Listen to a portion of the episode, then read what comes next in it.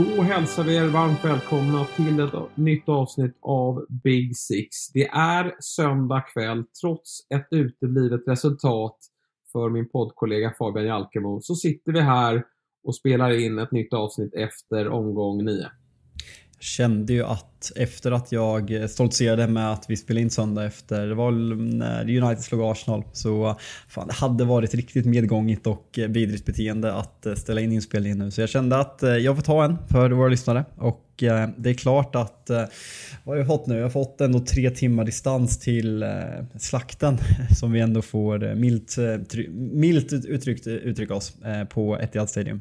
Så har man väl fått lite distans och kunna landa lite i det i alla fall. Så det är väl om man ska ta något positivt. Ja, alltså vi bestämde oss ganska tidigt idag i vår WhatsApp-tråd som du och jag och vår redaktör och producent Harry Magder har att vi skulle spela in ikväll och sen så när älvorna släpptes Eh, så var du snabbt på det och meddelade att Rodri Diaz är out och du kände, jag märkte ju på dig att eh, nu började du verkligen att tro på det. Eh, sen dess har jag inte hört någonting från dig, så jag var lite så orolig nu när jag messade typ två minuter innan vi, vi, vi slog oss ner och, om det skulle bli ett avsnitt. Men här är du och jag tycker att det, det är starkt av dig.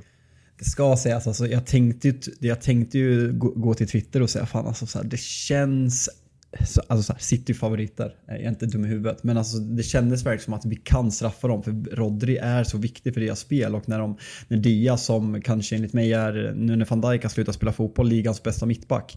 Eh, förutom Lisandro Martinez såklart. Eh, han är fortfarande det. Han är fortfarande. Håland gjorde alla mål på, uh, bakom Varann och Vigge. Måste, måste, ja. vi, måste vi komma ihåg.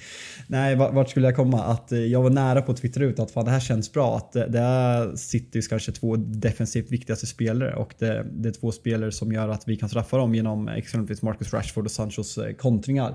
Men jag kommer ihåg sist jag gjorde liknande. Det var när jag fick Liverpools 11 inför mötet på Old Trafford förra säsongen. när jag twittrade ut att Eh, det här är det sämsta laget jag sett. Vi vinner med 3-0. Eh, och eh, ja, det var ju då halva Old Trafford lämnade i paus. Så jag, jag valde med, med rätta tydligen att, eh, att inte ta till Twitter den här gången. Så det var skönt. Ja, den här gången så, så lämnade ju inte dina, eh, dina Manchester United-vänner i paus, utan de, de stack väl redan i, i 30 minuten. Men jag måste faktiskt hålla med dig om att när jag såg älvorna så tänkte jag lite likadant. Alltså vi har ju eh, Eh, sen tidigare så har vi ju John Stones. Laporte var ju med i truppen, men han har varit skadad så jag räknade inte med honom out. Men John Stones, vi har Laporte och vi har även Calvin Phillips som är skadad. De tre saknades innan och så såg man då att både Rodri och Diaz skulle eh, missa den här matchen. Då var jag väl också inne på att det här kanske kan bli eh, inte jämnt, men här kanske United ändå får möjligheten. Min, min eh, spontana känsla var i alla fall att det här kommer att bli målrikt. Och, då, och det blev det ju verkligen, men eh, det var ju eh, aldrig nära egentligen. Det är ju smickrande. 6-3 är ju smickrande för Manchester United för vilken jävla match som City gör. Ja, man, man, känner ju från första början att alltså ska United ha en chans i en sån här match så måste ju exempelvis Rashford och Sancho kunna hålla ifrån sig när de får bollen där uppe och vända, och vända så att vi kan kontra. Men de blir av med bollarna. Dalot får en varning efter två minuter och det sätter ju tonen för hela matchen. Och och eh, 4-0 i, eh, i paus och eh, man känner liksom, alltså ingen ilska, bara uppgivenhet över när man inser hur långt efter en slag är och eh, nej, men kanske framförallt hur, hur bra Manchester City är. För jag, jag går ju alltid tillbaka till Barcelona 2011 under Pep Guardiola som, som slog United i vår Champions League-finalen på Wembley som historiens bästa lag. Men när man ser det här laget spela, när de dessutom har fått in ja, men, den mest surrealistiska fotbollsspelaren jag någonsin har sett. Alltså så Messi, och, Messi alltså så Ronaldo har gjort mål. Messi har, ja, men så här, han har ju fått den att liksom göra saker som man inte tror går att göra på en fotbollsplan. Men det Haaland gör med sin eh, fysik och eh, målfarlighet och löpningar och kraft. Alltså det, det, är på någon egen nivå som man aldrig har sett tidigare. Det, det, det här laget är på Barcelonas nivå. Om de inte är bättre så är de minst på nivån som Barcelona var 2011 man har ju sagt det förr gällande City, hur ska de kunna missa att vinna Champions League-titeln? Men nu när man har fått in den, den sista pusselbiten, och det är ju inte vilken pusselbit som helst, utan det är ju, ja men det, det är ju det jävligaste jag skådat när det kommer till att eh, avsluta in i boxen. Eh, Erling Braut Haaland är ju den, den bästa nian jag någonsin sett inne i boxen ska sägas. Det är många nior man sett som är skickliga ute i spelet och jag tycker att han är ju bra där också, men det är klart att en sån som Harry Kane, exempelvis, Zlatan Ibrahimovic, eh, jag tycker även till viss del även Lewandowski är jävligt skicklig ute i boxen, men det, det finns mängder utav nior som, som kanske behärskar spelet eh, eh på, ja, utanför boxen helt enkelt, på ett bättre sätt. Men inne i boxen så uh, har, har i alla fall jag aldrig någonsin skådat något någon jävligare. Jag tycker att det här 3-0 målet visar ju också på eh, hur otroligt skicklig eh, Haaland är. Just det här, Kevin De Bruyne som är ju bäst i världen på att slå just den där bollen eh, bakom en backlinje mot bortre stolpen och hur han tajmar den, Haaland, hur han tajmar den löpningen, vräker sig fram och alltid, oavsett, är klinisk i sina avslut. Jag tycker det, det, det visar på vilken brutalt skicklig anfallare han är. Och framförallt då dödlig avslutare. Så att, nej, det, det, jag, jag kan inte jag kan inte säga, säga, att jag har sett någon, jag kan inte minnas att jag har sett någon jävligare. Nej, nej jag, jag håller verkligen med. Och eh, jag, jag, tycker att man ska nämna det. Alltså så här, en som, vi ska prata om Phil Foden såklart också, men en som på något sätt kommer lite i skymundan. Vi, vi pratade om det här tidigare år, men det, de här eh, highlights-paketen som finns på YouTube som är typ eh, om Kevin De Bruyne hade haft en anfallare på sina bollar som de senaste två åren när Agüero varit skadad och när de spelade med falska nior förra året. Nu när han har den där nian, alltså vilken Alltså så här, han, Kevin De Bruyne får inte tillräckligt mycket cred. En, alltså så här, för mig är han världens bästa mittfältare alltså i, den, i den rollen. Och att han, det säger lite om Haalands nivå när Kevin De Bruyne gång på gång kommer i, i Haalands skugga. För det är ingen som pratar om Kevin De Bruyne, vilket är helt sinnessjukt. Nej, men de får verkligen ut det bästa av varandra. Det de, eh, ja, men, eh, De Bruyne är det bästa Haaland kan ha bakom sig och Haaland är det bästa som De Bruyne kan ha framför sig. Och det är ehm, häftigt att det så snabbt har blivit så bra som man någonstans trodde då när, när övergången blev eh, officiell. Nej, men den här första halvleken, jag tycker Martin Åslund säger det bra i halvtid att det är ju faktiskt mer City som är fruktansvärt bra den här gången snarare än att United är dåliga. Oftast tycker jag att det blir lite tråkigt när man eh, ska prata om en, eh, ett, ett stort resultat, att något lag har vunnit med många mål. Då, då är man alltid där och säger ja, men titta på motståndet då, titta vad svaga de var. Jag tycker att man, man fick det lite i, i North London Derby också, att man tyckte att motståndet inte stod upp. Arsenal var ju riktigt bra här första eh, 20 och då tyckte man att, att eh, Spurs inte riktigt kom upp i nivå. Men, men här väljer jag i, i, i Manchester Derbyt att verkligen hylla eh, City för den insatsen man gör. Jag tror att många lag eh, hade, ja, kanske att man hade lyckats eh, stå upp eh, något bättre resultatmässigt, men, men även Liverpool, Chelsea och Eh, Spurs Spurs Arsenal hade fått smaka den här första halvleken. Det ska bli intressant nu. Jag ska ju faktiskt, eh, jag vill ju inte säga det här högt egentligen, men jag kommer ju faktiskt vara på plats eh, när mina två största antagonister spelar om två veckor. När, när City kommer till Anfield. Och känslan när man ser Liverpool försvara och City göra de här insatserna är ju så här, hur fan ska det här gå? Sen Liverpool är bra historiskt mot City, men hur ska de stoppa Håland? Hur ska, ja, men om eh, Jack Grealish eh, har, vi, har vi kritiserat i över ett års tid. Han är också fantastisk idag men kommer också i, i skymundan av Kevin De Bruyne, eh, Phil Foden och, eh, och Haaland. Så eh, det kan bli, man, man fattar inte riktigt hur någon, alltså, när, man, när man ser City så här bra då, då, känner man de borde vinna 60 matcher. De borde vinna Community Shield, ligan, FA-cupen, ligacupen och Champions League varje år. För inget lag ska kunna slå dem. Och det, det är som du säger att man ska mer hylla City än att kritisera United, ja. Men man, ska även, man måste även kritisera Manchester United i matchen. Ja, och eh, framförallt, alltså så här, Bruno Fernandes pratar om mentalitet. Jag tycker Frida Fagerlund ska ha jävla cred för när Bruno Fernandes står efter matchen och säger att eh, nej men de dök upp, de hade bättre inställning. Och hon bara, men det är ett derby. Alltså varför, varför dyker inte ni upp? Borde inte ni som har kommit eh, som eh, underdog vara ännu mer mentalt redo? Eh, och det har ni inget svar på. Men om jag, om jag ställer frågan till dig. Vi pratade ju i, i måndags avsnitt gällande om Casemiro skulle starta och allt tydde ju på att han inte skulle göra det för att Scott McTominay, vad, är, det, är det fel av en tränare att inte starta Casemiro när man värvar honom för 65-70 miljoner pund en sån här match? Alltså det är väldigt lätt att säga med, med eh, facit i hand att eh, Casemiro bör starta en sån här match.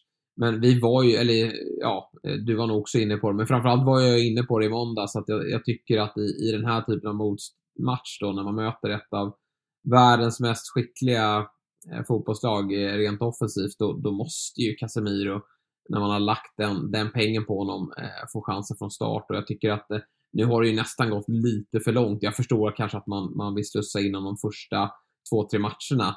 Men, men eh, snart har det ju gått eh, två månader sedan han anlände och, och uh, nu måste han ju faktiskt uh, kastas in på det här mittfältet. Nu är jag väl rätt övertygad om att det kommer bli så mot Everton här på, på söndag att uh, nu kommer Casemiro att starta och så får vi se vem, vem, vem som offras.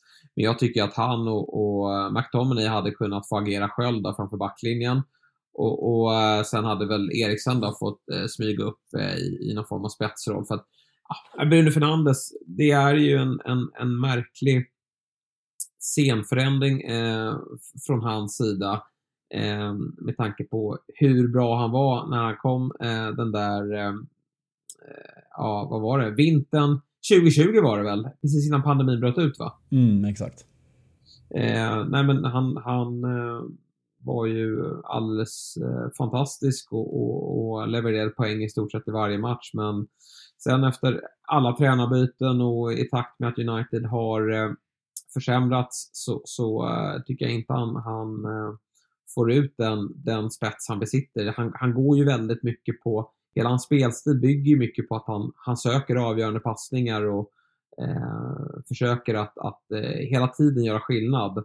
Och när, när inte det klickar, när han liksom inte är i 100% form och har självförtroende, då, då, blir han mer en belastning än att han bidrar. Och jag tycker att Christian Eriksen har ju kommit in och varit väldigt bra i den här matchen, liksom alla andra i laget, så är han ju inte eh, märkvärdig såklart, men han har ju fått en bra start i sin United-karriär och gjort det bra som, som eh, lite mer av en sittande mittfältare, men i, vi vet ju att han trivs lite mer högre upp i banan.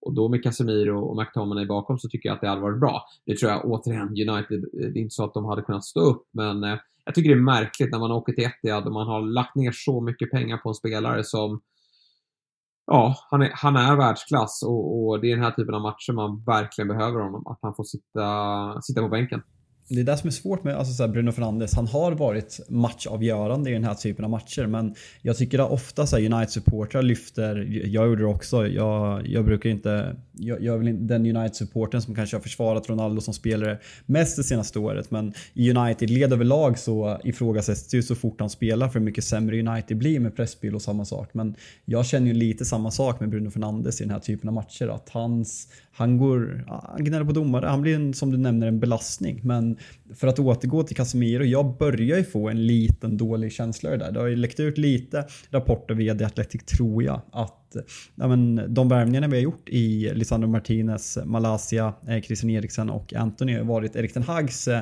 värvningar medan eh, Casemiro har varit ledningens värvning. Att det var inte Ten Hag som i grund och botten ville ha Casemiro. Eh, han ville ju uppenbarligen ha Frenkie de Jong, det är ingen hemlighet. Och sen så fick United reda på att Casemiro var tillgänglig och man värvade Casemiro för att han var tillgänglig. Alltså en klassisk dålig United-rekrytering de senaste tio åren. Hur man har agerat, att man snarare gått på stora namn som kanske inte passar in i tränarens sätt eller i klubbens struktur. Eh, sen tror jag liksom, jag tror att Casemiro kommer vara en bra spelare för Manchester United men det börjar ändå ge lite varningssignaler. För hade det varit Frenkie de Jong som hade kommit in, då hade ju inte, då hade inte Erik Den Haag sagt nej men eh, Scott McTominay har varit bra, vi har vunnit. Han hade satt in Frenkie de Jong direkt. Så någonting är det ju där. Sen, det är, det är jättetidigt att säga, det är ingen som har skurit sig men eh, det är något som inte känns jättebra. Nej, det är, det är skumt. De Jong, som du är inne på, han hade ju såklart klivit eh, ganska omedelbart in i den här elvan. Och det är ju märkligt någonstans ändå, bara för att McTominay gjorde en, en, en bra insats eh, första matchen som Casemiro hade anlänt. Eh, det ska ju någonstans ändå inte räcka i konkurrensen och, och det finns ju annars andra spelare som det går att flytta på. Så att det är skumt, men nu är jag rätt övertygad om att eh, Casemiro kommer att Eh, kliva in i den här elvan och eh, förhoppningsvis eh, bidra. Men, men i övrigt om vi går till det, det ljusblåa laget så är det ju som du redan nämnt då, fler spelare än De Bruyne och Haaland som är i form nu. Eh, Phil Foden, häftigt att eh, han som eh, egen produkt får kliva hem med en, med, en, eh, med en boll under armen, alltså att han gjorde hattrick. Eh, det eh, var ju en riktigt, riktigt fin insats från honom. Och det har man ju han har inte varit dålig i säsongsinledningen, men man har ju väntat på den där riktiga fullträffen och eh, ja, någonstans väntar man på det där genombrottet som världsspelare. Alla ser ju vilken otrolig potential han har och han blixtrar till eh, väldigt ofta. Men eh, man tycker någonstans att han ska vara en, en, en offensivt bärande spelare för Manchester City. Och det, det, han har inte tillräckligt mycket kontinuitet i sina insatser för att ha varit det, anser jag. Men, men eh, ja, eh, fortsätter han så här så, så, är det ju inget snack om saken. Helt briljant eh, ute till höger och till vänster då, Jack Grealish. Jag som eh, någonstans nästan hade gett upp honom Eh, ja, kanske att man får eh, revidera det för det här var ju hans bästa match i Citytröjan. Ja, men jag, jag pratade ju om att Eh, Uniteds eh, dåliga insats börjar när Diego Dalot tar sin varning eh, så är det lika mycket Jack Grealish som, nej men man ser att han, han, han är igång och han är taggad och han gör den där fina dragningen och kommer om Diego Dalot där och Eh, det, det är bara synd på ett individuellt plan för Jack Grealish att han inte får ut den här insatsen i poäng men jag tycker även, alltså så här, det, det, är ändå ett statement av Pep att han låter eh, Jack Grealish gå före Mares i den här matchen för Mares har ju också varit iskall. Han var ju klart före förra säsongen så förhoppningsvis för Grealish skull och för Englands skull också till, eh, till VM-slutspelet så, så fortsätter det här förtroendet. För jag, det har ju varit ganska tydligt att Bernardo ska spela till höger, Foden ska spela till vänster. Men nu funkar det väldigt bra. Alltså sen United satte de inte på prov så Gündogan funkar ju väldigt bra. Jag tror faktiskt att det sist han spelade där är väl Champions League-finalen när Pep hade sin master shit show och eh, bänkade både Fernandinho och Rodri för första gången på hela säsongen. Så eh, det kanske vi får se fler gånger. Ja, nej men jag tror väl kanske inte att Grealish hade startat om Rodri eh, hade varit hel. Han gick ju sönder här på eh, träningen innan match. Jag tror det var i lördag som han eh, kände av en, en eh, liten muskelskada. Och då blev det väl Gündogan ner i den eh, sittande rollen och så Grealish då, som visserligen gjorde mål här mot Wolves senast då, haft en liten uppåtgående trend, men, men det har inte varit närheten av den här typen av insatser där jag, jag tycker att han släpper loss. Han, han eh, funderar inte så mycket utan han är den gamla Villa Grealish där han, han, han kör på sin kant och då är han jäkligt obehaglig. Han är ju fruktansvärt hal att möta.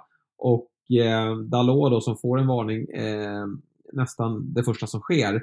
Han har ju ett helvete med honom och, och då när liksom Håland rycker isär i, i djupled och, och, det fylls på från det centrala mittfältet med ja, Bernardo, han är ju lite överallt i den här, eh, i den här matchen och, och eh, sen har vi även Foden som också har en ganska så fri roll, äh, då är ju City fruktansvärt jobbiga att, eh, att möta. Sen tycker jag också att det, det är imponerande. Vi, vi eh, har ju vant oss vid att eh, mittbackarna heter som sagt eh, Laporte, Stones eller Diaz. Framförallt Diaz då. Laporta Laporte och Stones har väl delat på platsen. Sen har Nathan Ake fått en del speltid eftersom det har varit en del skadeproblem. Men nu är det ju rejäl sjukstuga och då, då startar alltså Ake tillsammans med Akanji. Det, det, det trodde ju ingen i somras. Men visst, de släpper in tre mål. Men eh, jag tycker att det där mittbacksparet ser ganska okej ut ändå. Ja, alltså Akea, vi hyllade honom väldigt mycket i början av säsongen. Han var ju väldigt bra där. Eh, så det, det har väl förvånat ganska många egentligen. Men Akanja har ju gått från klarhet till klarhet och verkar vara ett riktigt fynd som de har gjort där. Eh, jag tycker han, tycker han ser väldigt bra ut. Och eh, vi pratar ju liksom om att de har fem mittbackar som alla uppenbarligen nu håller väldigt hög klass. Man ska, man ska inte glömma att Akea var väldigt nära på att gå till Chelsea i, i somras heller. Så de är ju de är så breda där så det finns inte. Och Bernardo som, alltså det, det är sånt löjligt jävla lag. Eh, och man bara fortsätter hylla dem med all rätta. Men om jag, vad heter det, lite av snacket efter matchen har ju varit även, eh, Erik Den Hag fick ju frågan om Ronaldo på presskonferensen. Och eh, där säger han att anledningen att han inte bytte in honom vid 0-4 eller 1-6 var ju av respekt för hans karriär. Att det på något sätt är ovärdigt och eh, en eh, Piers Morgan som man kan säga väldigt mycket om. Eh, det kan man göra i någon annan podcast. Men eh, han har ju gått ut och idiotförklarat den här att det här är under all kritik att man inte kan hålla på så här. Vad, vad är din reaktion till, till det här uttalandet? Jag tycker väl att det är onödigt av honom att uttrycka sig så, men däremot ska jag hålla med. Varför ska Ronaldo in i den här matchen? Alltså, dels för att han, han har ju eh, inte de få chanser han har fått i Manchester United och nu även eh, i eh, Portugal här under eh, avslutningen av Nations League. Han har ju inte varit bra. Och att han då ska kastas in med, med en halvtimme när, när matchen redan är död. Och eh, United har egentligen ingenting. Nu, nu gör ju visserligen Martial två mål, så det var väl kanon att han fick kliva in och, och få lite självförtroende. Men jag tror inte att Ronaldo hade stått för, för eh, eh de kassarna.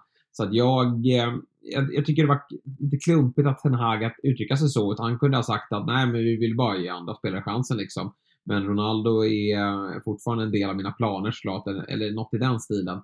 Men att, att han ska liksom skydda hans karriär och sådär, det, det blir ju ganska så felaktigt. För att ska han liksom ta hänsyn till hans karriär, ja men då borde han väl starta varje match. För det, det, det den, den, av den kalibern är ju han. Ja, eh, Gary Neville skrev väl något i den stilen som svar på något tweet där att han, alltså så här, jag, jag kan känna lite likadant att på något sätt kan jag väl uppskatta ärligheten. Alltså så här, han är ju väldigt ärlig och det är en väldigt transparent sida som man ser av väldigt få tränare i en väldigt låst fotbollsvärld. Och jag, jag köper det han säger, men det är ju som du säger på något sätt, fan, säger det inte. Alltså så här, svara, inte, svara, in, svara inte på frågan. Jag kan tycka att det är charmigt att han är ärlig, men okay, jag, jag köper verkligen argumentet att det är ovärdigt. Varför ska du sätta in Ronaldo där? Jag tror inte Ronaldo vill komma in i paus 0-4 mot City. Om jag får sätta mig in i Cristiano Ronaldos huvud så, nej men Eh, onödigt. Men eh, fan det är oroväckande de här, de här shitshow-insatserna som Ten Hag ändå har, eh, har begått. De pratar lite om det i, i, efter matchen, Åslund har varit inne på det, att segrarna som vi har tagit Eh, kanske framförallt mot Liverpool och Arsenal har ju varit att gå tillbaka lite till Solskär United. Och jag har ju uppskattat det, att Ten Hag har visat att han, att han kan eh, ja, men vinna på olika sätt. Men just det här att fan, spelet, han har varit i klubben länge nu, vi har fått ett ganska långt uppehåll. Man, man ser inte många bitar. Det, det är lite oroväckande. Ja, det får man säga. Och att man har några sådana här ordentliga genomklappningar. Första mot Brentford, eh, 4-0 i paus. Och sen då eh, sex insläppta mot Manchester City. Och det såg ju inte riktigt du komma, för att så här lät det ju från dig i måndags. Jag skulle vilja säga att Varann är världens näst bästa mittback just nu. Ja, efter Martinez då? Ja, såklart. Han är såklart alltid. Ja, så där lät det alltså om firma eh, Varann och Martinez. Men du kommer ju lite undan här av att Varann faktiskt kliver av och inte kan eh, eh, få hela skulden för den här, eh, ja, för, för sex insläppta mål. Nej, men jag vet fan om jag, om jag kan spela på den. Eh, jag, jag hittade en bild också där, eh, där man ser när Lisandro Martinez eh, leder med 4-0 mot, mot Håland senast. Som jag, har, som jag har skickat runt i helgen. Men nej, jag, jag ska hålla käften nästa gång vi ska möta City eller Liverpool. Det, det är bara att inse det. Nej, men jag, jag lider lite mer, för man visste ju inte riktigt vad, vad eh, United stod. De har ju ändå, hade, åkte ju till Etihad med fyra raka segrar som sagt och en av segrarna var mot Arsenal. Och det är väl klart att massa supporter ska få känna eh, viss förhoppning då. Eh, även om det är en otroligt tuff insats, eller eh, liksom tuff match på förhand. Eh, sen då, att det ska bli eh, 6-3 och, och uh, bud på mer. Nej, det, det, det är ju en riktig käftsmäll för er, men eh, det är ju liksom någonstans så, alltså City ska ni inte eh, ro på i år och, och det är ju inte som att eh, ni drömmer om någon titel. Och det är ju Everton på söndag och, och drömmen om en liksom, topp 4-plats någonstans lever ju ändå. Ja, nej men det gör det. För lagen där bakom, vi pratar ju om att vi, eh, det är mycket frågetecken kring Chelsea och Liverpool och det är det väl efter den här omgången också. Vet du förresten, alltså vi möter ju alltså Everton 20.00 på söndag. Vad fan, ja, fan är så, gillar jag verkligen. Vad, ja, men vad är det som sker? Aldrig sett. Nej, eh, jag vet faktiskt inte varför eh, det är så. Eh, men nej, det, jag, jag tycker det, jag uppskattar det. Jag, det är lite avundsjuk på från Serie A att vi inte har de där sena kvällsmatcherna och det fick vi känna på lite under pandemin med kvällsmatch både på lördagen och söndagen. Så jag, jag, tycker det är, är kul och, och framförallt att det blir utspritt så att man kan se så många matcher som möjligt. Men eh, det är, vad, vad känner du inför framtiden här nu? Vad, eh, vad tror du att, vad får det för konsekvenser? Martial kom in, gjorde två mål. Det är inte omöjligt att han får, får starta och Luke Shaw klev in i paus och han gjorde en bra landskamp eh, mot eh, Tyskland och Malaysia har det tufft den här matchen. Det är väl inte otänkbart att båda de kliver in mot Everton? Nej, det är det väl inte. Jag, alltså så här, Rashford vann ju månadens spelare så det, man framstår som, som dum om man ska kritisera Marcus Rashford, men han har gjort sina Men vad hände där? Hur, hur, kunde han vinna det? Nej, jag vet inte. Eh, jag vet faktiskt Nej. inte. Eh, det är att han var ju bra mot Liverpool och Arsenal, men det är ju matchbilder som passar Rashford något oerhört. Alltså mm. jag, eh, Rashford som nia mot lågt sittande försvar när vi ska vara spelförande, jag, då har jag hellre Martial. Eh, och, men det skulle vara om Rashford startade till vänster för Sancho rosar inte marknaden i det här derbyt, derbyt och eh, Anthony, alltså han gör ett otroligt mål med fan miljarden. Jätteskeptisk. Nej, ja. Eh, jag tycker också att det, det ser inte klockrent ut, även om han då som sagt blixtrar till. Men eh, ja, han, han måste ju faktiskt visa mer i den här typen. Precis som du är inne på i inledningen när vi pratar här. Att, att den här typen av spelare, Sancho, eh, Rashford och Anthony, de måste ju när de får boll kunna trycka ifrån och eh, hota mer i omställningsspelet. För då, då ställer man ju någonstans frågor till, till Citys backlinje och, och City som lag. Men, men känslan är att City ganska omedelbart känner att det här är det här är hur lugnt som helst. Vi kan trycka på med, med samtliga spelare och, och fullständigt dominera den här matchen på eh, Uniteds planhalva. Alltså, tar man och tittar lite mer på North London Derby tycker jag i första halvlek att där har ju Arsenal ett, ett eh, stundtals eh, riktigt bra tryck mot eh, Spurs. Men känslan är ju någonstans eh, under hela första halvlek att eh, Spurs kan ställa om och, och, då kommer det bli fullständigt livsfarligt med eh, Kane, Richarlison och eh, Son. Den känslan har man inte av United i, i första halvlek i eh, Manchester-derbyt. Nej, verkligen inte. Och för att inte jag ska bli helt deprimerad här och eh, ska, vi inte gå, ska vi inte byta match? Jo, men det gör vi. Det gör vi. Vi, vi konstaterar att, att, att City är eh, väldigt bra för stunden och att United har en del att jobba på. Big Six är som ni vet sponsrade utav ATG. Tyvärr då Fabbe så rök ju helgens trippel redan idag söndag då, när det inte blev några mål i eh, Leeds Aston Villa, men eh, berodde ju så mycket, eh, såklart så mycket på det här röda kortet då från Sinisterra. Men eh, skam den som ger sig. Vi tar ju nya tag här i veckans Europaspel. Och jag tycker att du har hittat ett riktigt bra spel här. Fan, det är bättre om du säger att jag hittat ett dåligt spel så kanske turen vänder. Ja, nej, men det är omöjligt att kalla det här för dåligt spel. ja, nej men känslan är faktiskt bra. Jag har alltså valt att gå ifrån en trippel som vi har spelat tidigare till att gå ner till en dubbel. Och jag kommer fokusera på en match och det är alltså Chelsea som tar emot Milan på Stamford Bridge. Chelsea med en poäng i de två inledande matcherna och man är väldigt försvarsstarka under Graham Potter, det vet vi sedan tiden i Brighton, möter alltså ett väldigt skadedrabbat Milan som har börjat bra i den här gruppen och har fyra poäng, så vilket betyder att matchen är väldigt mycket mer viktigt för Chelsea. Och eh, ATG erbjuder alltså 2,95 på att Chelsea vinner och håller nollan i den här matchen. Så det är helt enkelt veckans, veckans Europaspel från, eh, från mig. Och som vanligt då så finner ni Fabbes spel på dob.one big six med bokstäver. Vi tackar såklart ATG för eh, detta samarbete. Och glöm inte att ni måste vara 18 år för att få spela och upplever ni problem med ert spelande så finns stödlinjen.se till hands.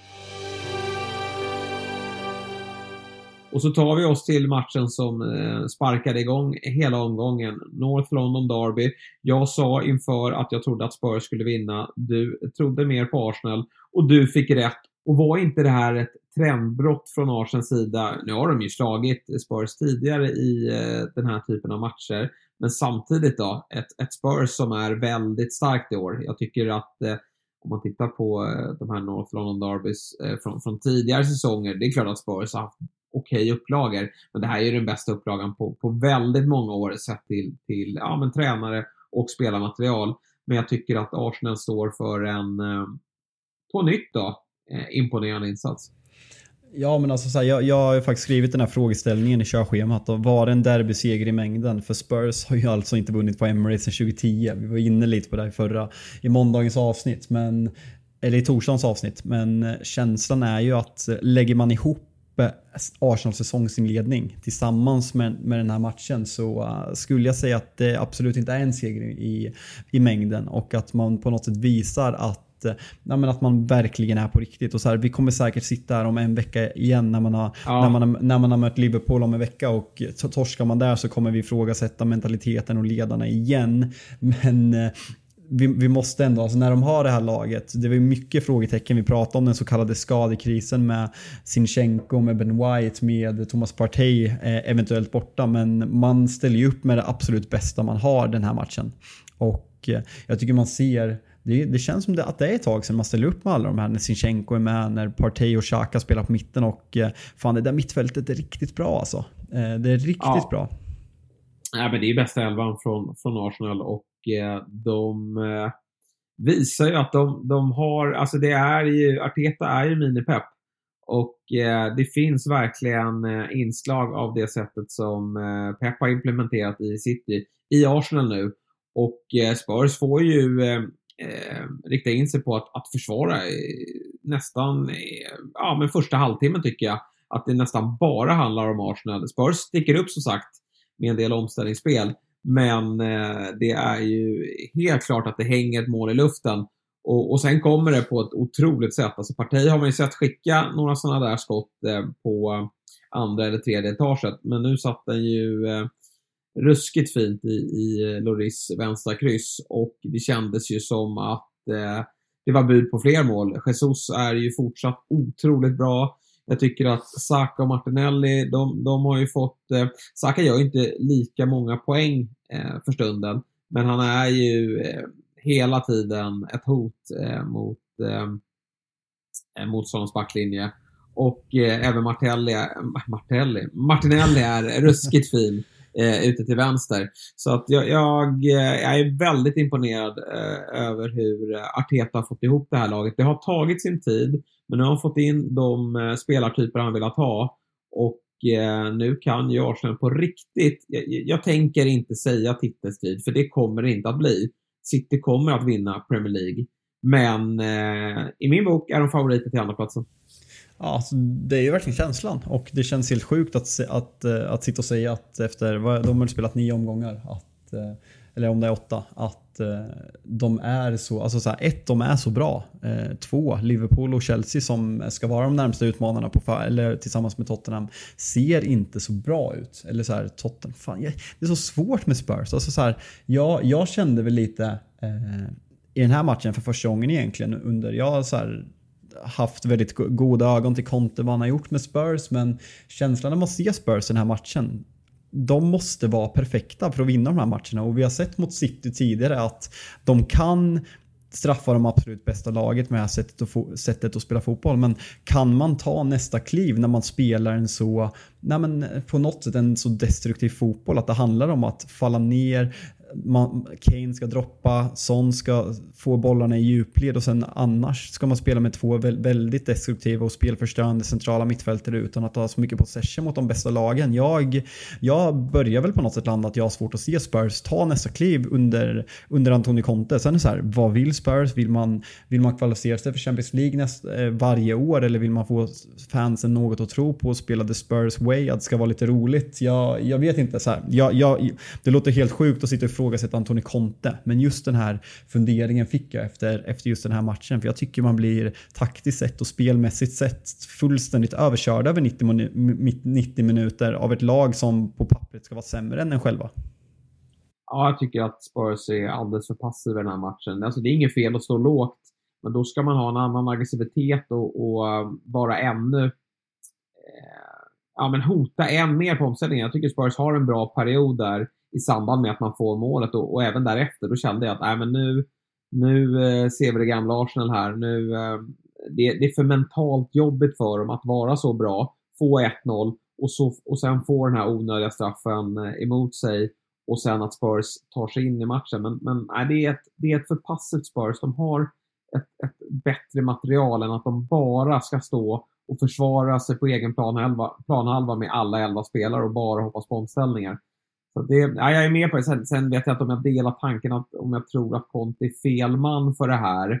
Men visst att det måste skruvas på saker och ting och att man måste få en, en, en, en mer tro kring, kring eh, det egna spelet med boll. Så att en, en besvikelse helt klart att, att Spurs inte får ett bättre grepp på den här matchen. Men sen kanske det är också bara att, att Arsenal är för bra. För när det röda kortet eh, kommer, då, alltså det är ju en period där man kanske tror att Spurs ska börja äga boll och, och ta tag i matchen. Men eh, det blir ju omöjligt med en man mindre och då kan ju ja, Arsenal eh, defilera in i mål och, och dessutom göra 3-1. Så fullt rättvis eh, seger eh, och jag tror att man hade vunnit eh, även om man eh, eh även om inte Spurs hade fått det här röda kortet. Ja, eh, alltså man, man, är ju bättre. Det, det, som känns så jävla tråkigt med det här röda kortet, det, det är så, alltid så kul att se de olika lägren på sociala medier och i studion när det sker sådana här, såna här situationer. Och det är klart att kör i slow motion, dobbarna på vaden, det är klart ja. att du kan argumentera att det är rött kort. Men samtidigt som, som jag ser på fotboll, i ett, i ett derby mellan de här två lagen, i den matchminuten så, så förstör domaren matchen och då får man, man får ta lite mjuka värden in i det hela. Och för mig är det ett helt... Det, det kan inte vara ett kort i den här situationen. Jag tycker verkligen inte det. Och sen måste jag en situation till som du är inne på, en straffen som, som Tottenham får. Jag som extremt begränsad mittback i division 3 som bäst.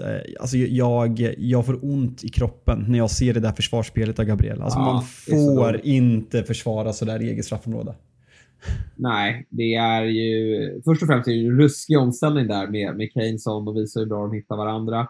Men sen tror man att situationen är över, men ändå lyckas då Gabriel eh, skicka ner eh, Richarlison. Och det där är ju lite läskigt med Gabriel. Han har ju eh, eh han har ju många kvaliteter, men det där är ju någonting som han måste få bort. Eh, och någonting som Arsenal i det långa loppet inte har råd med. Saliba, han är ju hur bra som helst varje match. Fan vad bra Gabriel har ju, ja han är helt brutal. Men Gabriel har lite av de där tendenserna och det, det måste han sluta upp med. Men sen det röda kortet då. Nej, men jag, jag är inne helt på ditt spår och, och jag tycker väl att alltså, domaren måste ju såklart ta hänsyn till kraften här. Jag, fick, jag skrev ju en tweet, vilket man ju ångrar direkt efter, att jag, jag tycker att det är bedrövligt domslut av domaren. Alltså, han har ju såklart stöd i, i, i, i boken. Att är det domarna före så kan man visa... visa Men folk, folk måste sluta, alltså så här, när folk kollar på fotboll i derby, folk på Twitter när du skriver så här, folk måste sluta hänvisa till regelboken. Saker ja. är inte så jävla svart eller vitt. Alltså, det är 2022, folk måste fan höja sig där alltså. Jo, men då, då får man så här, men vad hade hänt om hans ben gick av? Ja, men det är det som är grejen här, att det är ingen kraft i den där sulan. Den är ju Martinelli filmar, jag får inte ens ont i den där Alltså jäm, jämför, med, jämför med Chaluba exempelvis i Fulham. Där ja. röda kortet, där har vi kraft. Där kan skada en spelare. Alltså det Emerson gör på, det kan inte skada Martinelli. Det kan nej, inte göra nej, det. Det är ingen kraft alls. Det, det, är ett gult kort och så går vi vidare och så är alla nöjda med det. För det är liksom ingen som kräver ett rött kort i den situationen. Och när vi har ett derby där, där ribban ska vara hög, ja, men då får vi ju inte ta ett rött där. När vi vet att den där domaren, liksom alla andra, släpper så många situationer. Ja, jag, jag och, och, då tror folk att jag sitter och, och hoppas på Spurs. Nej, jag vill bara att den här underbara fotbollsmatchen ska fortsätta. För jag tycker att första halvlek är fantastisk. Den har allt. Alltså Arsenal har ju eh, trycket, bollinnehavet, men, men det är ett spör som är i hyperfarliga i sina omställningar, vilket liksom absolut hade kunnat lett till att det här hade kunnat sluta lite hur som helst. Men, men Arsenal som helhet är ju ett bättre lag i den här matchen. Och så kommer det där röda kortet. Det, det, nej, det gör mig förbannad. Sen förstår jag väl att Arsenal-supportrarna eh, liksom hör, hör av sig och, och hänvisar till den här förbannade regelboken. Och det skulle ju såklart min, min vän Kristoffer Kviborg, som är domare på division 7-nivå, också hänvisa till att det där är minsann rött kort. Men jag skiter i hur du hade fattat beslut i division 7. Här har vi ett av de hetaste derbyna och då måste man kunna ha lite överseende att det, eh, det blir eh, lite fult ibland utan att man viftar med eh, det röda kortet. Alltså jag, jag vet, jag är ökänd bland, bland domare här i Östergötland och eh, det går ju rykten om att det var, det var, det var champagnefrukost på domarmötet säsongen när de hörde att jag skulle sluta med fotboll. Men ja. min känsla är ju när du är inne på Kviborg att han är en ruskigt dålig domare. Ruskigt svag. Vifta ja. med kort, går inte att kommunicera med. Nu blir det internt här men de flesta har ändå koll på Kviborg så det, det får vara så. Absolut, vi vet att han inte lyssnar på den här podden heller, så vi kan ju häva ur oss vad vi vill. Men jag har aldrig sagt de orden du säger, men jag, jag går inte emot dig på det. Mm. Men, men tråkigt tycker jag att det, att det inte blev eh, ett gult där, för det, det hade räckt. Men eh, ja, det blir ju, alltså så här, jag ville ju någonstans också gå ut och, och hylla Arsenal på Twitter. Men jag väljer att avvakta en vecka, eh, för det är ju ett Liverpool som kommer på besök till Emirates eh, på söndag 17.30. Men vilket läge det är för Arsenal att stämma i bäcken ordentligt här. För jag har varit inne på att de har vunnit North London Derby eh, tidigare, men den här typen av match eh, mot, en, eh, ja, mot Liverpool som har varit så eh, otroligt bra de senaste åren där har man inte lyckats, men med tanke på hur, hur Liverpool mår för stunden, vilket jäkla läge. Ja, alltså så här, vi har ju hela tiden, vi har hyllat Arsenal unisont den här säsongen, men hela tiden brasklappen att nu väntar United. Nu kommer det där, man failade, nu vinner man det här North London Derby. Nu är den lilla brasklappen att man vinner alltid North London Derby på Emirates, men lyckas man slå Liverpool nästa söndag, då lovar jag Fabian Jalkemo, jag kommer inte säga något om, jag kommer bara unisont hylla hylla Arsenal utan att säga ens men, eller om, eller ledarlös. Jag kommer bara säga att det är ett fantastiskt lag som har gjort en fantastisk säsongstart. Och jag vill även säga med den här matchen att det kanske lät som att jag snarare gav Spurs skiten till Arsenal. Jag tycker Arsenal är fantastiska i den här matchen. Så att vi har det sagt. Ja, nej, men det, det vill jag också poängtera. Jag är otroligt imponerad av Arsenal. Och eh, jag, jag, eh, de ska vinna på söndag. De ska vinna. Vi kommer snacka upp det på torsdag. Men eh, de ska trycka till Liverpool ordentligt. Det är inte så att Liverpool när de dessutom har Champions League här i veckan mot Rangers, att de, de kommer få ordning på bitarna eh, på, på söndag. Nu, nu hade de ju en del offensiva pjäser som fick börja på bänken här mot Brighton. Men den där defensiven får de inte ordning på och eh, så som Arsenal spelar nu, Arsenal kommer vinna den matchen. Ja, det är dags nu. Ja, det är dags nu. Ja, ja jag, jag klagar inte. Det är klart vi, eh, det är klart Arsenal vinner. Ja, nej, men det är alltså så, så som de spelar stundtals. Alltså, då tycker jag Spurs är betydligt mer eh, Eh, stabila bakåt. Det, det, det, kommer Liverpool inte att kunna mäkta med och då kan vi väl ta oss till just den matchen på Anfield. Vi hade ju frågetecken kring var Liverpool står just nu och eh, de står väl kvar där de har varit hela den här eh, säsongsinledningen. Ja, Man är en skugga av sitt forna jag. Och det, det, är så svårt att höra. Alltså så här, man, hör, man hör analyser av diverse olika pandits och experter både i Sverige och England och på, på YouTube. Och eh, det, det, det är så svårt att sätta fingret på vad det är. För den, den lätta sanningen för många, framförallt Liverpool-supportrar som har velat så mycket, har ju varit att det handlar om att Joe Gomez spelar och sen att det handlar om att Thiago var skadad på centrala mittfältet. Men nu är Thiago tillbaka och Matip är tillbaka också. Nu har de Matip bredvid Trent men det ser fortfarande lika, lika uselt ut och både 1-0 och 2-0 kommer mellan Trent och Matip som det har gjort hela säsongen och, och 3-3 är också ett inlägg från, från deras kant där van Dijk missar bollen så det är inte så jävla enkelt. Jag såg, jag såg en, en statistik som jag tyckte var intressant på, på ett klipp där någon försökte analysera det här och eh, Liverpool alltså förra säsongen antal antal, eh, jag vet inte om det var lyckade pressningar eller om det bara var maxlöpningar i press när motståndarna bollen. På offensiv plan halva där man var överlägsen etta förra säsongen. Där är man alltså på elfte plats i år, vilket säger någonting om det här, ja, men hur viktigt det här med Eh, pressen är och maxlöpningar är för Klopp och när, när, man inte har det så ser man det över hela planen. Så det är någonting där det finns konkret i statistik att saker har försämrats avsevärt. Ja, och eh, nu, nu, eh, nu svär man ju i Liverpoolkyrkan här, men Southgate, man måste väl ge honom någonting här va? avseende Trent Alexander-Arnold. Jag vet att du vill, du vill ju såklart hänga på här, men, men det är, och så, så här, jag, jag gillar ju verkligen Trent Alexander-Arnold. Jag tycker det är en fantastisk högerback. Och, och Klopp säger det inför den här matchen på, på presskonferensen. Jag tycker att han, han uttrycker sig bra när det gäller Trent.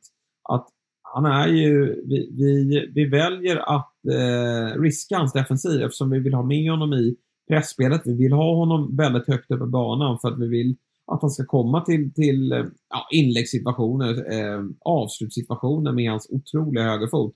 Och då får vi helt enkelt bara acceptera att det, det eh, eh släpps in en del mål bakom honom. Men det vi ser just nu av Trent, det är ju, eh, det är ju varken eller. Alltså, han bidrar ju inte särskilt mycket i, i sin offensiv. Och när han väl är där på rätt plats i defensiven, då är det väldigt lätt för Trossard att snurra upp. Så att det, det han är ju direkt usel just nu. Han ser ju, alltså grejen är, han ser ut att skita i det. Han går ju upp som någon typ, ja. alltså så här, City jobbar ju väldigt mycket med inverterade ytterbackar. Att, eh, men, att man överbelastar och Cancelo och Kyle Walker gör det väldigt framgångsrikt. Trent går ju upp som någon slags inverterad mittback när det andra laget har bollen och lämnar sin yta alltså helt öppen och där har Henderson tidigare framgångsrikt täckt upp det väldigt bra. Sen så här, en analys är, ja, Robertson och Trent väldigt offensiva båda två. När Liverpool hade som mest, ja, men när Liverpool enligt mig var som bäst så hade man Gini Wijnaldum och Henderson på varsin sida av Fabinho som sköld och de täckte upp väldigt mycket. Men samtidigt förra året hade man Thiago och Henderson var redan på dekis förra året och Milner var redan för gammal förra året. Men man vann ju varenda match och tog, vann två inhemska kupper och gick till en Champions League-final. Så det är också så här, den för lätt analys. Och det, är ju det som gör det så jävla svårt. Och så här, Ljungberg var inne på att spelarna är besvikna på att Liverpool visar att man är en säljande klubb för att man eh, säljer Mané. Bara så, nej, alltså så här, man kan inte ge fyraårskontrakt till både Salah och Mané som, som passerar 30-årsstrecket. Nu värvar man in en av de största fotbollstalangerna i världen i Darwin Nunez. Och sen fick man in Jota förra året och man tog in Luis Diaz. Så jag köper verkligen inte det argumentet. Så och sen så här, man, man, man, går till Klopps den här gyllene femårsperioden i både Dortmund och Mainz. Och så här, är det så enkelt? Jag vet inte. Vi, vi, fan, vi behöver ringa Bylund snart och få svar. Ja, han kommer inte ställa upp längre. Men det som, eh, det, det som var imponerande i förra svackan, det var ju att Klopp verkligen hittade tillbaka till energin. Och även om man inte vann eh, ligan i fjol så var man ju väldigt starka på, på flera fronter. Men nu är det på nytt då, den här svackan. Och vi får se då om, om eh, Liverpool eh, studsa tillbaka. Jag har svårt att se dem bli eh, sådär väldigt mycket bättre innan eh, VM-uppehållet. Och då ska sägas att Liverpool har ju haft en, en, eh, ett lätt spelschema här i inledningen. Nu kommer ju de tuffa testen. Arsenal på bortaplan eh, och sen då Manchester City på Anfield. Nej men alltså jag, jag, eh, jag ser ju Liverpool som underdogs i båda de här matcherna och, och tror inte att man kommer lämna med särskilt många poäng. Alltså känslan är, alltså så här, känslan är ju att absolut att man, en poäng är ju, alltså så här, ska man ju på något sätt vara nöjd. Två poäng ska man ju på något sätt vara nöjd med. Alltså det är känslan på förhand. Sen så här, det är klart att Liverpool har chans att, att vinna båda de här matcherna. Man är, man är historiskt sett väldigt bra mot, mot båda de här lagen. Eh, och eh, sen, sen, sen vänder schemat igen, man har lite lättare, men egentligen vad talar för det? Man har e- egentligen sagt så här efter varje match att det som talar för dem är att det kan inte bli sämre, men jo, det kan fan vara sämre för den här matchen mot Brighton. Eh, det är liksom, man släpper in tre mål och deras bästa spelare tillsammans med Bobby Firmino är väl Alisson i mål. För alltså så här, Brighton kan man göra både två och tre mål till. För det, man kommer till sådana chanser och det är så slappt på alla plan och man hittar ytor som jag aldrig har sett ett topplag släppa till förut. Jag, jag vet verkligen inte. Nej, jag har inte heller svar på hur det här ska... Men jag måste hur säga, de ska få fart på det. Jag, jag, måste säga, du hade ju en... Eh, du analyserade ju De Serbi på typ en minut i förra avsnittet och sa att, han, att hans lag eh, släpper in mycket mål och gör mycket mål. Och det är väl bara att ge dig en 5 plus på den eh, om vi går på första 90 minuterna.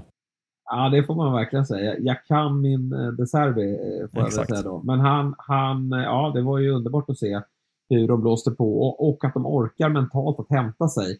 Alltså en 2-0-ledning på Anfield är väl aldrig tryggt och, och det visade sig att det, det, inte var heller. De, de vänder ju här, men ändå då via eh, Trossard så löste han 3-3. Och eh, frågan är om inte, alltså Trossard har ju varit bra under eh, flera säsonger och frågan är om han inte kliver upp nu och eh, börjar bli aktuell för, för större klubbar. Det här kanske var liksom matchen som, som får eh, beslutsfattarna i, i andra lag kanske eh, Chelsea då, eftersom hans eh, gamla tränare Potter eh, befinner sig där, att eh, det, det, det kanske inte rör på sig i januari, men nästa sommar. Det, det är det som är grejen med Brighton. har haft så många spelare som har varit bra men de får inte ut det för att laget gör för lite mål. Men han gjorde ju tre mål, mål redan under Graham Potter och sen eh, kryddar upp det med det här hattricket. Så det, det, är klart att det är... Eh, får man säga att man har ett, genom, ett internationellt genombrott när man är 27 så har väl Trossard haft sitt internationella genombrott den här säsongen. Så nej, det blir en eh, intressant eh, fortsatt säsong att följa för både Brighton och, och Trossard. För jag tyckte verkligen att man såg... Ja, men det var verkligen ett Graham Potter Brighton på, på speed eh, var känslan. Alltså så här, det, det, svängde lite mer om det. Potter är ganska riskminimerande och gillar possession. Han, han känns som en possession-tränare fast han använder possession som en typ av försvarsspel för att lag, det andra laget kan inte straffa dig när du har bollen men det är lite mer rock'n'roll så det var, ja, men det var kul.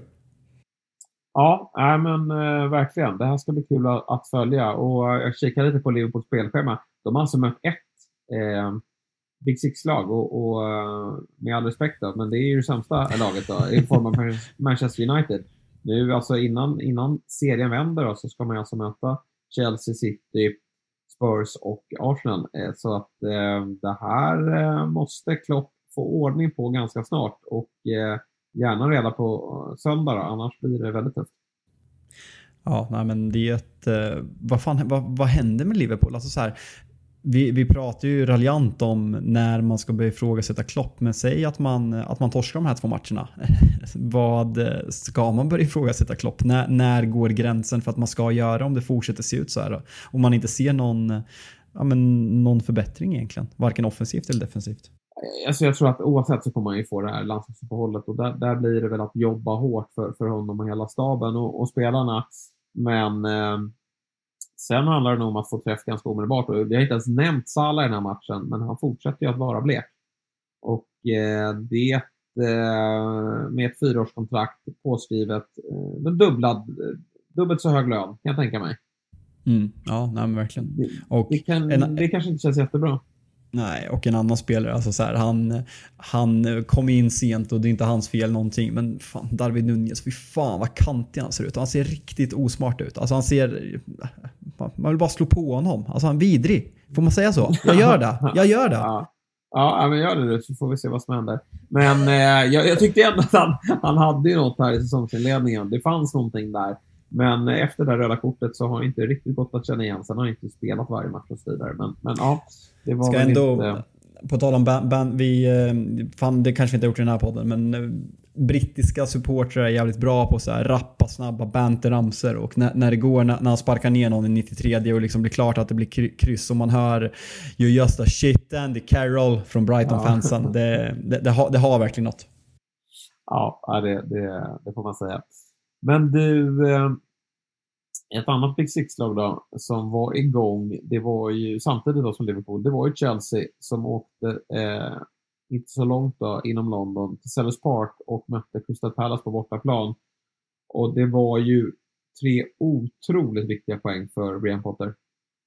Ja, sen, väldigt sena och väldigt viktiga och eh, på något sätt eh, orättvisa kan jag väl tycka. För jag, eh, jag när det står 1-0 till eh, Pallas så ska ju Thiago Silva bli utvisad. Jag, eh, jag kan inte förstå med hjälpmedel som det finns, varumsdomare som ser den där situationen om och om igen och inte kan komma fram till att den där medvetna handsen inte är en målchansutvisning. Jag, jag, jag förstår inte. Sen det, att Conor Gallagher gör mål, det, fan, jag förstår att alla spelarna är, är, sura och det var ju vissa som även tog det vidare till Twitter och eh, sågade domare på Twitter. Det piggar ändå upp lite. Det är fan inte vanligt i dagens fotboll.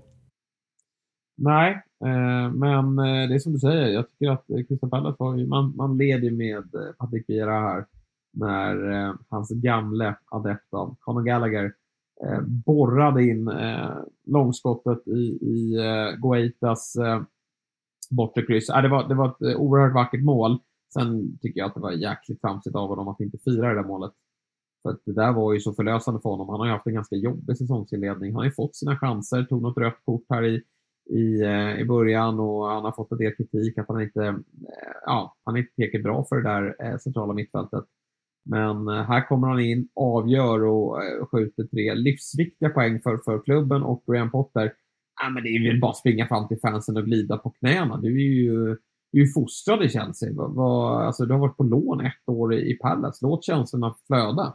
Ja, nej men alltså i, i grund och botten köper jag inte det där någon gång. Jo, alltså det kan finnas så här olika, olika exempel när det kan vara lite acceptabelt. Jag bara tar ett exempel som är nä nära mig nu. När Ronaldo kommer tillbaka, liksom United värvar honom, gör honom till världsstjärna. Han kommer tillbaka från Real Madrid. Att han inte firar då, jag kan väl på något sätt köpa det. Eh, när, när, det är, när han möter eh, Ferguson i den matchen. Men som du säger, ett lån i en säsong när han nu spelar för sin moderklubb. Last minute winner, drömmål. Fan, lägg ner. Alltså så här, det är ett... Eh, nej, sånt där, sånt, där, eh, sånt där gillar vi inte. Eh, men det, det, det, har sagts tidigare. Men eh, så här, alltså så här, Chelsea, jag tycker verkligen inte att de ser... Jag, alltså så här, jag har bara sett delar av den här matchen, jag hade mer fokus på Liverpool. Men eh, jag tycker inte att spelet imponerar. Det, det känns lite likadant. Man har fortfarande svårt att komma till chanser. Och någon annan sak som sticker ut i den här matchen är att Koulibaly som eh, ja, men, värvades som en startback väldigt, eh, alltså så här, är man så till åren som Koulibaly är, värvas för de pengarna så ska han spela varje match. Att han nu bänkas två, två av två matcher under Graham Potter tycker jag ändå säger någonting och att han har börjat spela en fyrback den här matchen också. Ja, jag förstår inte riktigt heller varför Koulibaly bänkas. Då, då börjar man så här, har han för, för, liksom, har han för svaga fötter? Samtidigt har han liksom fått Louis Dunk att eh, ser ut som en eh, ja, tiki-taka mittback. Så att, eh, Koulibaly har ju väl helt okej fötter. Eh, både höger och vänster är behärskar han. Det är jätteskumt och där har man ju lagt eh, ja, men ganska stora pengar och det är en erfaren spelare. Och just det här att man går över på en fyrback också. Fofana står inte för jättefint försvarsspel på, på eh, Crystal första mål heller. Så att det är lite skumt. Men, men jag, så här, om vi, vi ska försvara Graham Potter då, det är ju lite att han har ju, en, han har ett krävande spelsätt såklart. Och, och kanske att man behöver en viss tid, gärna en försäsong, för att det ska eh, sätta sig hos spelarna. Nu, nu handlar det väl här i början om att, att, att ta trepoängarna och det lyckas man med, men det är klart att det, det behöver se bättre ut. Eh, skönt att eh, Aubameyang får, får, eh, får göra mål och att man tar tre poäng. Det är väl det man kan ta med sig och nu blir det eh, två ruskigt viktiga möten då mot, eh, eh, mot Milan här i eh, denna vecka och kommande. Mm. Ja, men alltså det, det, känns inte som att det, analysera den här matchen ut igen. Det är som du säger, det, det är en jävligt viktig trepoängare och det är det som ska tas för att få lite arbetsro och sen fan gnugga vidare på, eh, på, på träningsplanen. För eh, det, man har ett bra schema nu vilket är viktigt för man behöver komma igen om man på riktigt ska. Alltså så här, det känns öppnare än någonsin om de här platserna bakom. Eh, det känns sjukt att säga City och Arsenal men vi säger City och Arsenal då. Ja, fan, jag är inte van att ta... Men tror du inte att de andra lagen skiter i tittarna? Alltså så här, Liverpool har ju lagt ner, alltså de pratar inte titel längre, utan nu, nu handlar det om att, att, att sluta topp fyra, för det är ju fruktansvärt viktigt. Och det, detsamma gäller ju Chelsea och Spurs. Och så får man kanske kunna gå långt i någon cup och, och i bästa fall utmana i Champions League. Men, men ligan, det, det funkar ju inte. Nej, verkligen inte. Alltså det är Champions League som är för de här klubbarna egentligen. Alltså det, jag säger fan alla, ligan är avgjord, City för bra. Så, så enkelt är det. Så det blir ju Champions League och Arsenal skulle gå för andra platsen men för Tottenham, United, Chelsea och, eh, och Liverpool så är det fullt fokus och det känns jämnare än någonsin att det är fler lag inblandade än på väldigt länge också. För att eh, ja, men de lagen man hade förväntat sig mer av har kanske börjat sämre än vad man trodde. Så eh, det, det, det blir spännande på det här sättet om vi ska, om vi ska bolla upp något. Ja, får se hur länge Brighton kan vara med där uppe och, och slåss då. Som sagt, bra start under De Serbi. Övriga resultat, vad tycker du sticker ut? Jag tycker att eh, West Ham stod för en bra insats mot Wolves som skickade tränarna också. Mm. Bruno mm. Ja, det var väl, alltså så här, vi inte pratade om det, men ser man till resultaten och ser man till förra säsongen där man i slutet av förra säsongen framförallt, alltså så här, man, man gör inga mål. Alltså så här, man man är ofta spelar väldigt fint, man har possession, man har ett bra centralt mittfält med Ruben Neves och eh, Moutinho, men man kan inte göra mål och 18 plats efter så här många omgångar så måste man ju på något, något måste hända. Eh, så ja. Det, kän, det känns vilken, som, eh, vilken portugis som är ledare då. Men, eh, ja, men de, de, står ju still i sin utveckling. De, de, var ju pigga första året, men sen har det liksom gått lite ut för varje säsong. Jag tycker de gör en del kittlande värvningar, lägger mycket pengar, vilket man gjort här i, i somras. Då, men nej, har inte fått eh, utslag och det är en riktigt blek insats mot West Ham här. Som eh, ju eh, tog däremot ett steg i rätt riktning. Jag tycker att Jared Bowen gör eh, även innan eh, poängen då, alltså eh, det här målet, 2-0 målet, så tycker jag att han, han, han såg bättre ut. Mer eh, intensiv i sitt sätt att spela som man är van att se Jared Bowen, framförallt i fjol då. Så att han, han har ju steppat upp. Och även då Skamacka då, eh, som eh, äntligen då får göra sitt första Premier League-mål. Och Moise är ju beroende av att eh, hans stjärnspelare kliver fram. Han är beroende av individuella prestationer för att hans sätt att spela ska funka. I, i fjol hette det Bowen och Antonio. Eh, nu har ju Antonio börjat bli lite till åren och då är det viktigt att en spelare som Skamaka kommer igång. Så att kanske att West Ham kan eh, börja klättra nu i tabellen. Ja, man måste göra det. Man såg även målet var för Skamacka, hur mycket det betydde. Jag måste bara innan, gällande eh, Wolves nya tränarrekrytering, man ser ju verkligen framför sig hur, hur sportchefen och ägaren sitter så här när man, när man går in på football manager och så här ska välja position, vilken roll han ska ha. Det enda kriteriet för att få vara tränare i, i, i, eh, i Wolverhampton är ju liksom så här basic portugisiska. Alltså så här, vad man har gjort tidigare, det är inte jätteviktigt. Så länge du kan hantera portugisiskan så, så kommer man långt på det. Ja, ja men definitivt. Eh, men kanske då att de vågar gå utanför Jorge Mendes eh, spår där och, och ta någon annan. Vi, vi får se vad som händer med Wolves, men det är klart att det där materialet ska ju definitivt prestera bättre. Men ja, det är alltså bottenstriden i, i Premier League. Det, jag, jag tycker den känns eh, eh, väldigt spännande med tanke då på att lag som eh, ja, men Everton, som vi många faktiskt hade där nere, de fortsätter ju, Lampard fortsätter ju att eh, tysta tvivlarna och eh, bör ju definitivt inte vara med där nere. Fulham åkte på en rejäl smäll här mot eh, Newcastle, men eh, allt gick emot dem. Chaluba eh, utvisad och Mitrovic utskadad. Och Newcastle är ju ett eh, alltför bra lag då, eh, helt enkelt. Så att, eh, det blir en, ehm, ja, kanske inte så spännande kring, kring ligatiteln i år, men jag tror att eh, blir eh, väldigt spännande.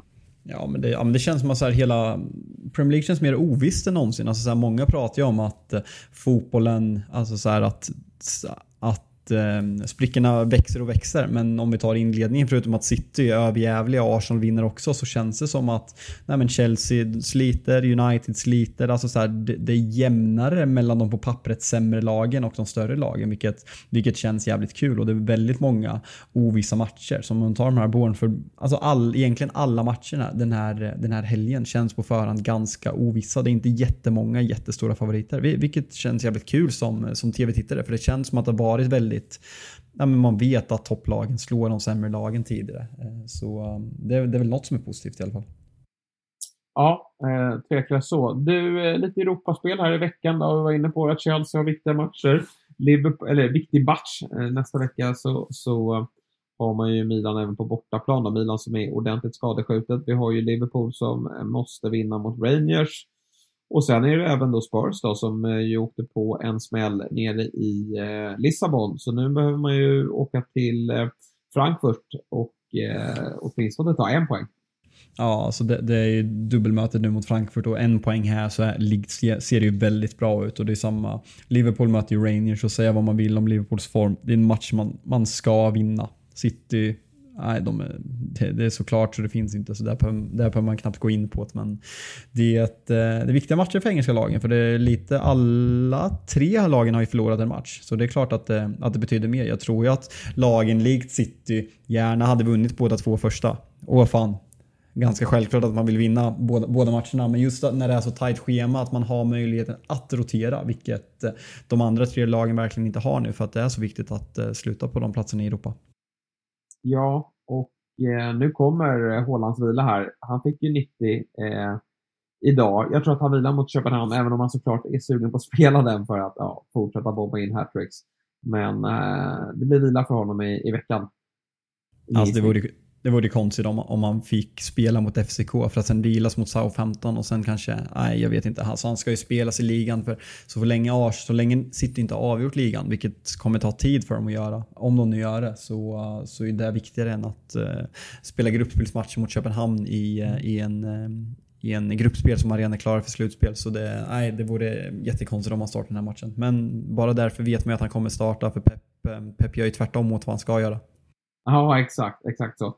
Eh, Europamatcherna kommer vi att eh, prata ner på eh, torsdag då vi eh, såklart spelar in ett nytt avsnitt och då ska vi även snacka upp eh, den tionde omgången. En riktigt fin helg bakom oss, men vi fortsätter att tro att det kommer att spraka kring Premier League och ni följer den ju som bäst tillsammans med oss här på Big Six. Stort tack Fabbe! Jag eh, önskar dig en trevlig kväll. Du får slicka såren här och blicka framåt mot eh, Europa League då, vilka möter ni? Eh, vi eh, United ska till Cypern. Eh, så um, ändå, eh, eh säger ändå lite om makt, eh, maktförhållandena. Så när, ja, I och för sig, City, City ska möta FCK, men City krossar oss med 6-3. Vi börjar prata om att ingen kan utmana dem och du frågar vilka vi ska möta och vi ska åka till Cypern. Så det, det, det är klart att det är kontraster. Ja, så är det. Men det där kan ju vara en liten livlina till Champions League-spel nästa år. Det återstår att se. Eh, så, återigen stort tack Fabbe och tack till er som har lyssnat. Vi hörs på torsdag igen.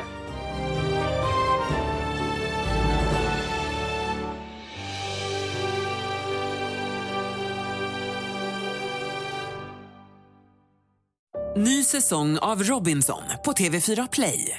Hetta, storm, hunger. Det har hela tiden varit en kamp. Nu är det blod och tårar. Fan händer just det. det detta är inte okej. Okay. Robinson 2024, nu fucking kör vi. Streama söndag på TV4 Play.